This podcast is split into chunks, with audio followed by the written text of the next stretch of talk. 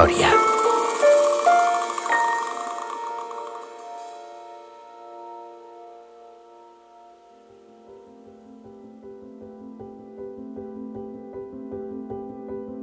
A mitjans del segle XIX, a Varsòvia, la ciutat més gran de Polònia i també la seva capital, hi va néixer una nena que de seguida va mostrar moltes ganes d'estudiar i d'aprendre coses. Tant el seu avi com el seu pare havien estat professors de ciències i de matemàtiques, i potser per això, aquesta nena va créixer amb una sola il·lusió, convertir-se algun dia en una gran científica. Sempre va perseguir aquest somni i s'hi va esforçar molt, tot i així va topar amb un problema molt gros. En aquell temps, al seu país, igual que a molts altres, a les dones no se'ls permetia estudiar a la universitat. Diríeu que això li va impedir aconseguir el seu objectiu? Penseu que en aquest punt va haver d'abandonar els estudis i que aquí es va acabar el seu somni de ser científica? Us donarem una pista. La nostra protagonista va ser la primera dona a guanyar un Premi Nobel i la primera persona a la història a guanyar-ne dos en categories diferents, física i química. Aquella noieta que amb les seves investigacions i els seus descobriments va canviar per sempre la medicina, la física i la química, va fer història. El seu nom? Marie Curie.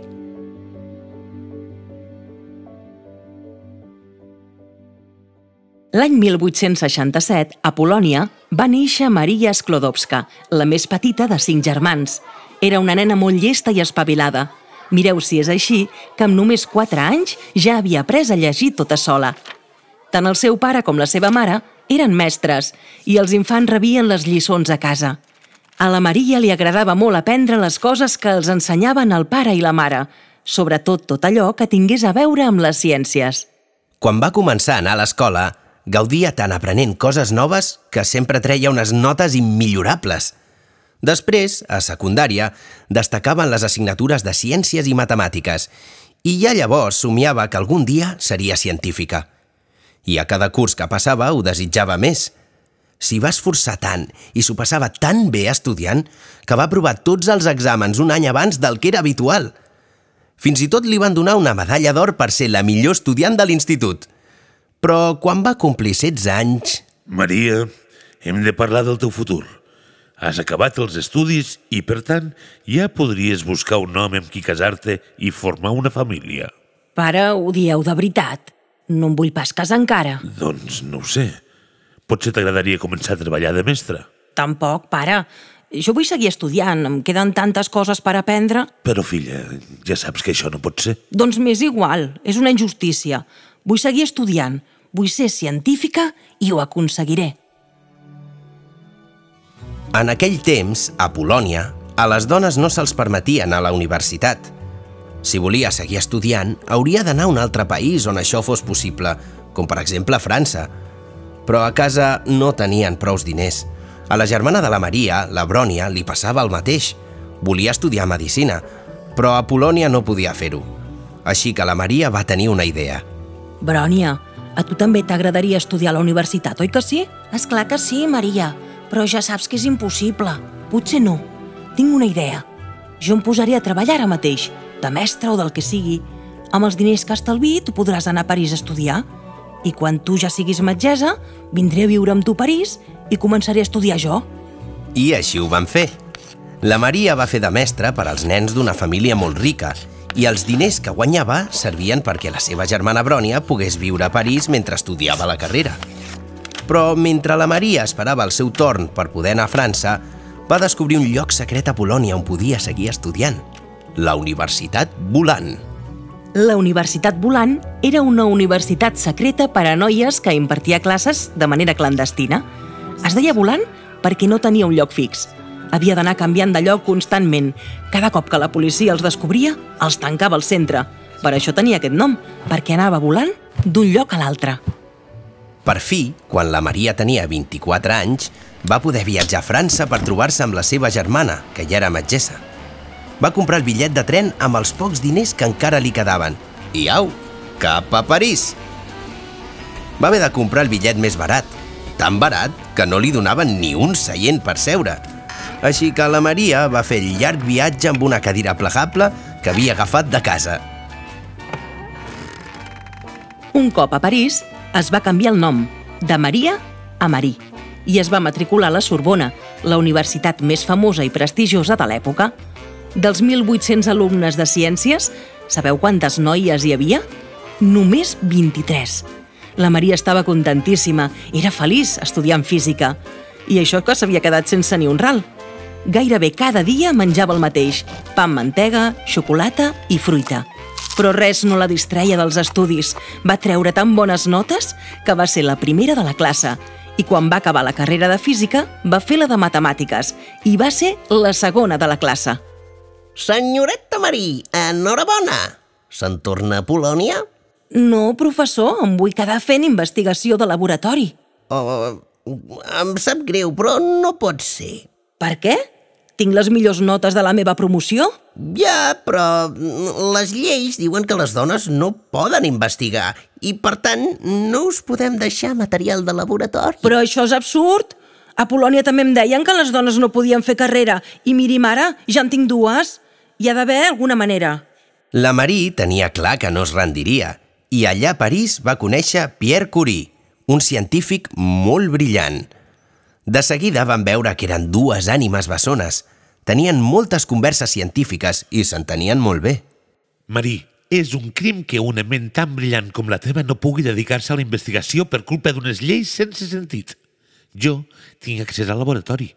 Pots usar els meus instruments. De debò, Pierre? Moltes gràcies. Tinc ganes de fer nous descobriments. Jo em penso que ja he fet el més important de la meva vida. T'he descobert a tu.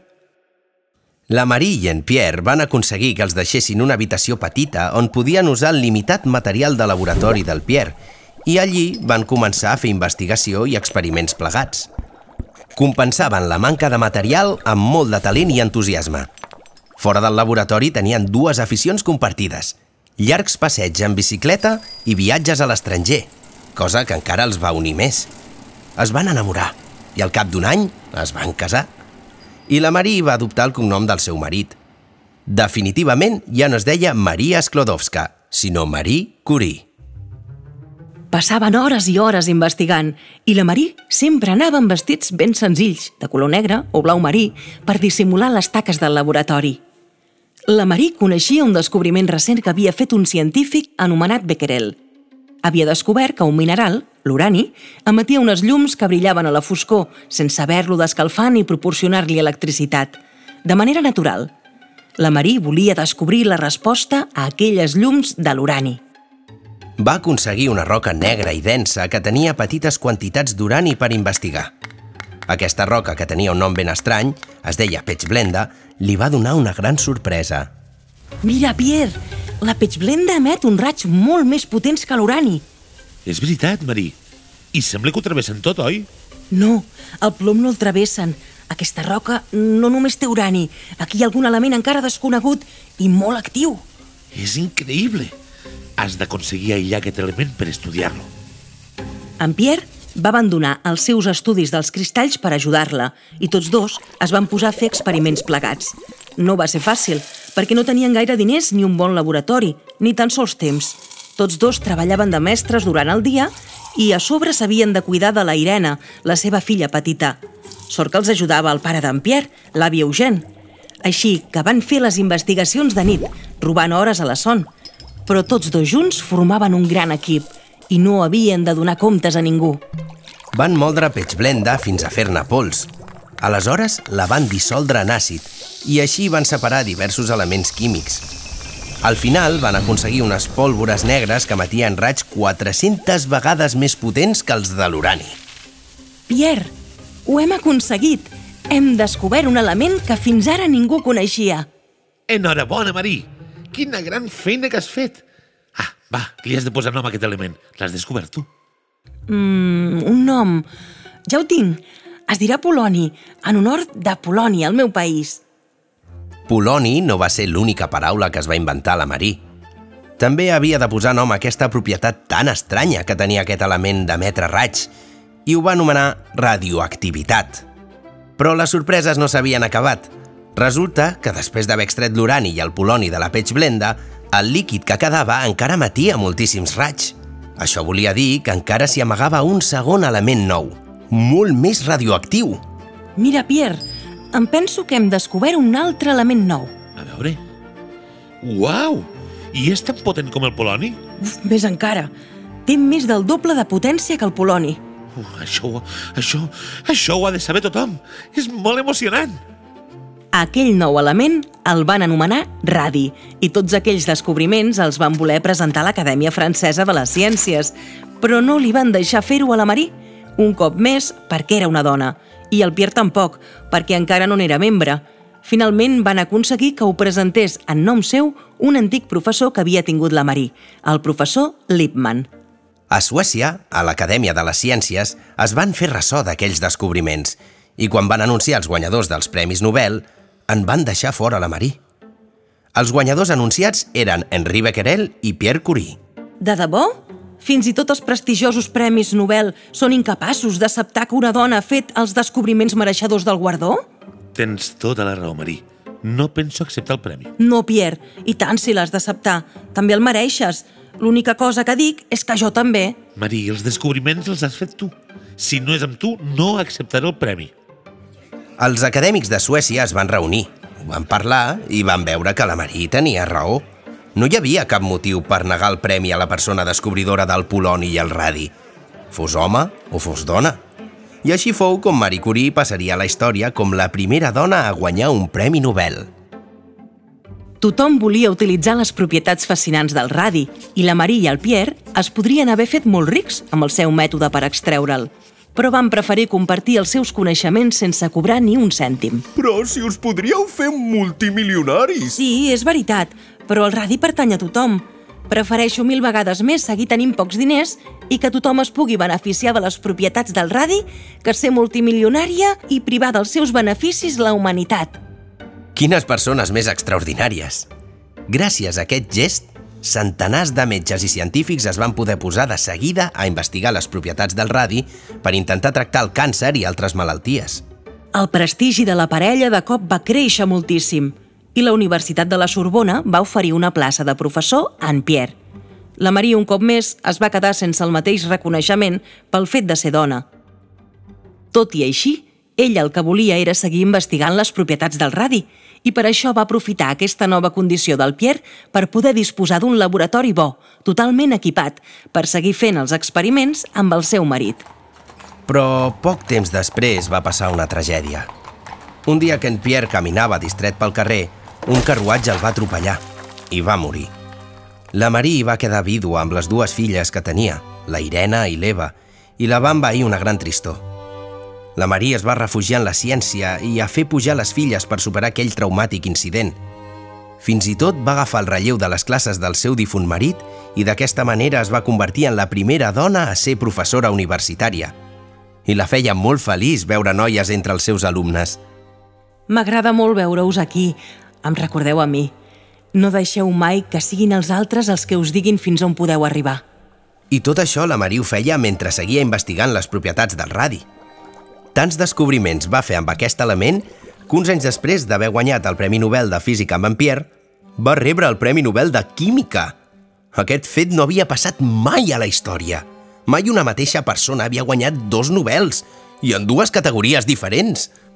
A París li van cedir un pavelló sencer perquè pogués seguir investigant.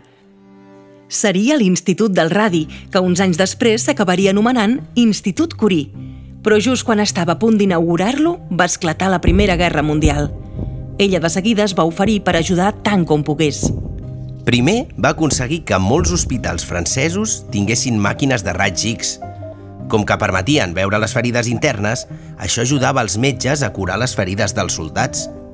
Però sovint els ferits arribaven massa tard per salvar-los.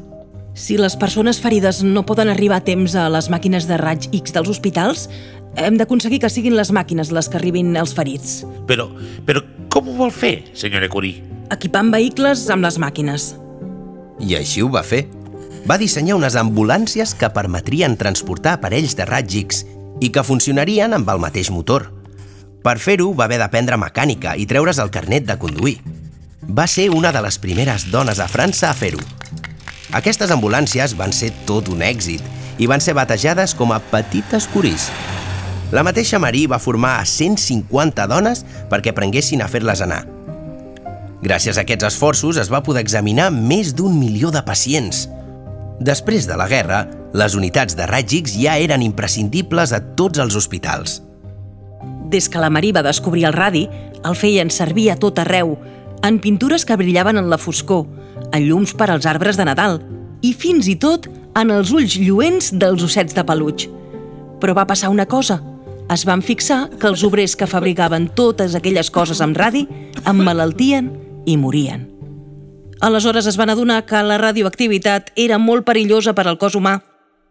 Si bé podia eliminar les cèl·lules malaltes que causaven el càncer, també eliminava les cèl·lules sanes. La Marie també va ser víctima de la radioactivitat.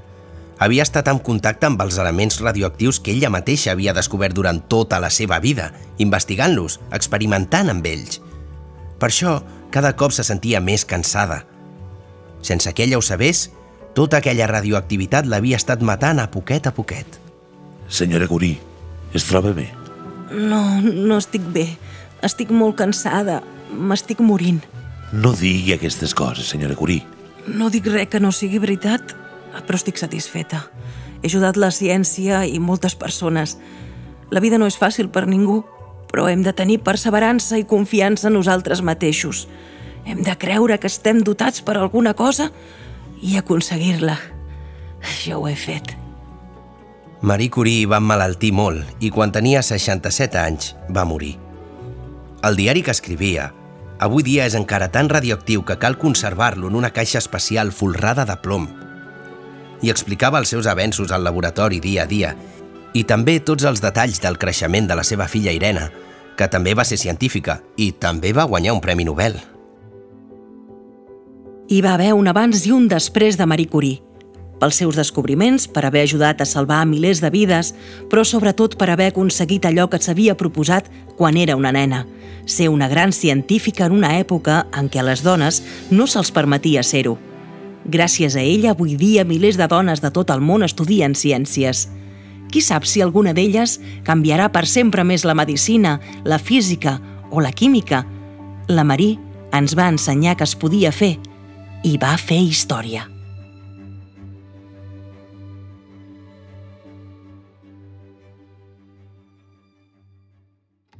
Si vols conèixer més sobre Marie Curie, entra a petitsapiens.cat. Endinsa't en la seva història amb els jocs interactius que trobaràs al web. Un podcast De petit Sapiens. 012. La millor resposta. Ai, que bé, per fer cap de setmana. Què voleu que fem avui? Podríem anar a caminar per la muntanya, no? L'Organització Mundial de la Salut recomana fer activitat física cada dia, 30 minuts als adults i la gent gran i 60 minuts als infants i adolescents. Una vida activa millora la salut física i mental, disminueix l'ansietat, l'estrès, la depressió i prevé i controla malalties cardiovasculars i metabòliques. Mou-te i viuràs més i millor. Més informació a esport.gencat.cat 012. La millor resposta. Generalitat de Catalunya.